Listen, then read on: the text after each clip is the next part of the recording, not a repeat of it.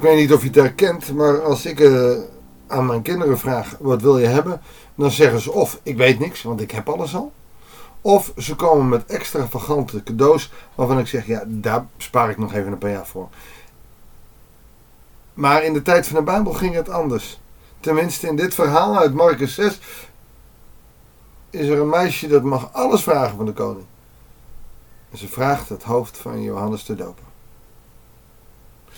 Goedendag en hartelijk welkom bij een nieuwe uitzending van het Bijbels Dagboek. De laatste week voor de vakantie. Dan ga ik drie weken met vakantie en laat ik jullie alleen. Maar ik hoop werkelijk waar dat ik na de vakantie terug kan komen met een nieuwe app. En dat iedereen via de nieuwe app ook weer kan luisteren. Omdat op dit moment ook de Apple app gewoon helemaal uit de lucht is. En ik kan er niets aan doen. Het spijt me. Desalniettemin toch een uitzending voor hen die wel kunnen luisteren. Want we blijven, ondanks alle geestelijke strijd die we in ons leven tegenkomen, altijd door met God loven en prijzen en leren van Hem. Dus ook zo vandaag. En zo lezen we in Marcus 6 vanaf vers 14. Koning Herodes hoorde van hem. Dat is vermoedelijk Jezus. Want zijn naam was overal bekend. Hij is nog niet helemaal bekend. Uh, we zitten nog in het begin van het evangelie. En sommigen zeiden, Johannes de Doper is opgewekt uit de dood. En daardoor beschikt hij over zulke wonderbaarlijke krachten. Johannes de Doper, daarvan weten we dat hij wel gedoopt heeft. Maar hij heeft nooit geen wonderen van gedaan. Tenminste, daar zijn geen verhalen van bekend. Desalniettemin is het wel zo dat hij zo'n charismatische stem had dat iedereen ontzag had voor hem. Zelfs Herodes. Overigens, er wordt hier gezegd koning Herodes. Dat is geen titel die hem uh, echt toebehoort. Hij was een leider. Hij was toegezegd door de, volgens mij door de Romeinen. Hij was een Joodse man die een soort koningschap over een bepaald gebied kreeg. Maar het was geen koningschap. Een tetrach is hij. Hij is een leider. Maar een koning is echt te veel titel voor hem waarom Marcus dat hier geeft, is waarschijnlijk ook die cynische toon die hij heeft om een stuk humor te krijgen. Koning Herodes. Hij was het niet. Is een leuk detail. Maar anderen zeiden: nee, dit is Elia. En weer anderen zeiden: het is een profeet zoals die er vroeger waren. Er is dus iets bijzonders met hem. Toen Herodes dit allemaal hoorde, zei hij: Het is Johannes, die ik heb onthoofd. En die is weer opgestaan. Herodes raakte in paniek. Hij heeft Johannes doen onthoofden. Want, vers 17, Herodes had Johannes gevangen laten nemen en hem aan de hand van handen en voeten geketend. Laten opsluiten vanwege Herodias, de vrouw van zijn broer Filippus, met wie hij getrouwd was. Hij is dus getrouwd met de vrouw van zijn broer. Het was een raar zootje toen. Johannes had namelijk tegen Herodes gezegd: U mag niet trouwen met de vrouw van uw broer. Sindsdien had Herodias het op hem gemunt en wilde ze hem uit de weg ruimen. Maar ze kregen de kans niet toe, want Herodes had ontzag voor Johannes, omdat hij wist dat hij een rechtvaardig en een heilig man was, en hij nam hem in bescherming.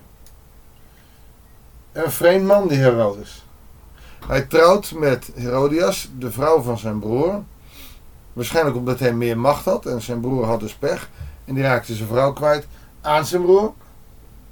En deze Herodias heeft erin meegewerkt en die wil ook met deze machtige man uh, getrouwd blijven. En dan is er zo'n Johannes die zegt van dat mag niet. Het is altijd vervelend met mensen die uit de naam van God spreken en zeggen dat dingen niet mogen. Het is altijd vervelend als de Bijbel je laat zien van hé, hey, wat je doet is niet goed. En hoewel hij, dat is Herodes, altijd in grote onzekerheid verkeerde als hij naar hem geluisterd had, bleef hij hem toch graag horen. Want iets in de stem van uh, Johannes de Doper, iets in, in wat hij zegt, in dat charisma, daar had hij toch wel ontzag voor. Op een keer keek, deed hij zich echter een gunstige gelegenheid voor. Toen Herodes op de verjaardag een feestmaal gaf voor zijn hovelingen, en de hoge militairen en de voornaamste inwoners van Galilea. De dochter van Herodias kwam binnen om voor Herodes en zijn gasten te dansen. Wat bij hen erg in de smaak viel. Je mag dan ook gerust denken dat dit een erotische dans is geweest.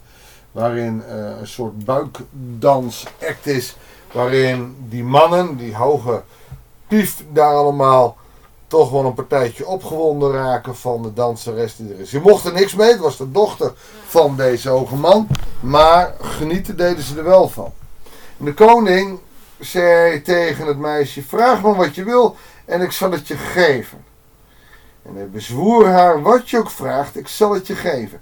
Daar moet je altijd mee uitkijken, zeker als het je dochter is. Voor je het weet gaan ze er met je auto vandoor of wat dan ook. Maar heel naïef zegt hij: Wat het ook is, ik zal het je geven. het meisje weet niet wat ze vragen moet en gaat naar haar moeder. Nou, duidelijk een mama's kindje. Dat is op zich natuurlijk helemaal niet erg. Maar zij vraagt dus aan haar moeder: Wat zal ik vragen? En haar moeder weet het. Dit is de kans waar ze op gewacht heeft. Nu kan ze, die Johannes de Doper, die haar probeert weg te halen bij haar man. Waar heeft ze het over? Want ze is overspeliger. Maar goed, uh, ze wordt weggehaald bij de man door Johannes de Doper. En haar man is gevoelig voor wat hij dwars uit de woestijn allemaal verkondigt. En dus zegt ze: Wat je wilt is geen goud of goed, maar het hoofd van Johannes de Doper op een zilveren plaat. Nu nog tijdens dit feest. Ai. Dat is lastig. Maar zij doet wat haar moeder zegt. En Herodes komt in een spagaat. Want hij wil deze man niet doden, want hij weet, dit is een man van God. En ergens heeft hij daar ontzag voor, terwijl hij daar niks mee te maken wil hebben. Ken je die mensen? Die zeggen, nee, ik geloof niet in God.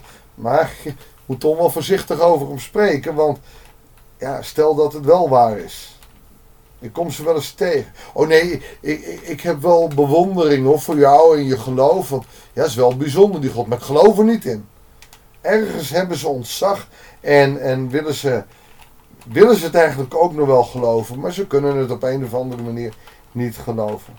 En zo gaat het met Herodes ook. Alleen dat maakt hem zwak. Hij kan geen principiële bezwaren indienen. Bovendien heeft hij alles, maar dan ook alles beloofd. Ze had 100.000 euro kunnen vragen. Ze had het gekregen. En hier vraagt ze slechts het hoofd van Johannes. En deze laffe koning. En hij is helemaal geen koning, maar dat is de cynisme van Marcus. Door te zeggen: deze laffe koning kiest ervoor om Johannes te laten onthoofden.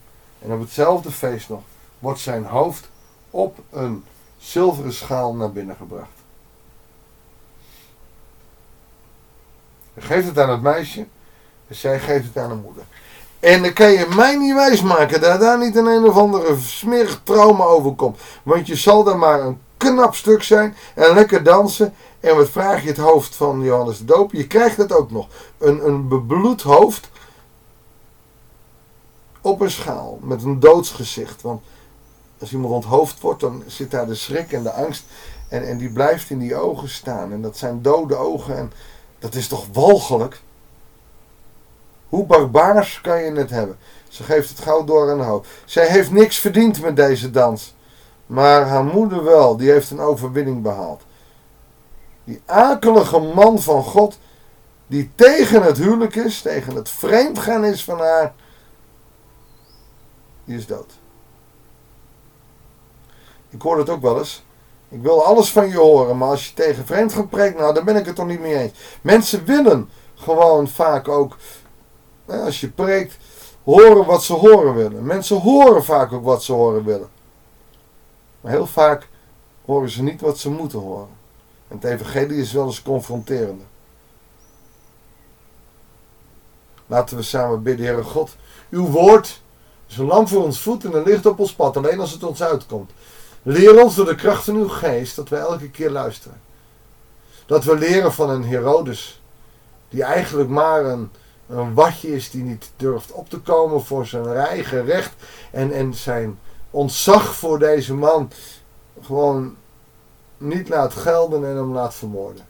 Heer, leer ons te zijn, dat we niet bang worden voor mannen van God, dat we niet bang worden voor uw woord, maar dat we het in acht nemen wat u in uw, uw woord ook zegt, hoe radicaal dat ook is. Dat we leren van u. Heer, we danken u voor uw liefde. En we danken u voor uw woord die streng is, maar ook liefdevol. Zegen ons zo ook als we deze week weer met uw woord aan de gang gaan. Heer, ik wil toch niet voor mezelf, maar wel vragen of er een zegen mag rusten op, op het nieuw ontwikkelen van nieuwe apps, zodat er steeds meer mensen weer mogen meeluisteren. Want het is toch wel heel verdrietig dat dit seizoen zo afloopt dat mensen niet meer kunnen luisteren, omdat de techniek of omdat mensen ons eraf gooien. Heer wil dat maar zegen. Ook de jongen die er nu mee bezig is, dat het goed mag komen. Dat bidden we u in Jezus' naam. Amen. Ik wens je een hele goede dag. God zegen en graag tot de volgende uitzending van het Bijbels Dagboek.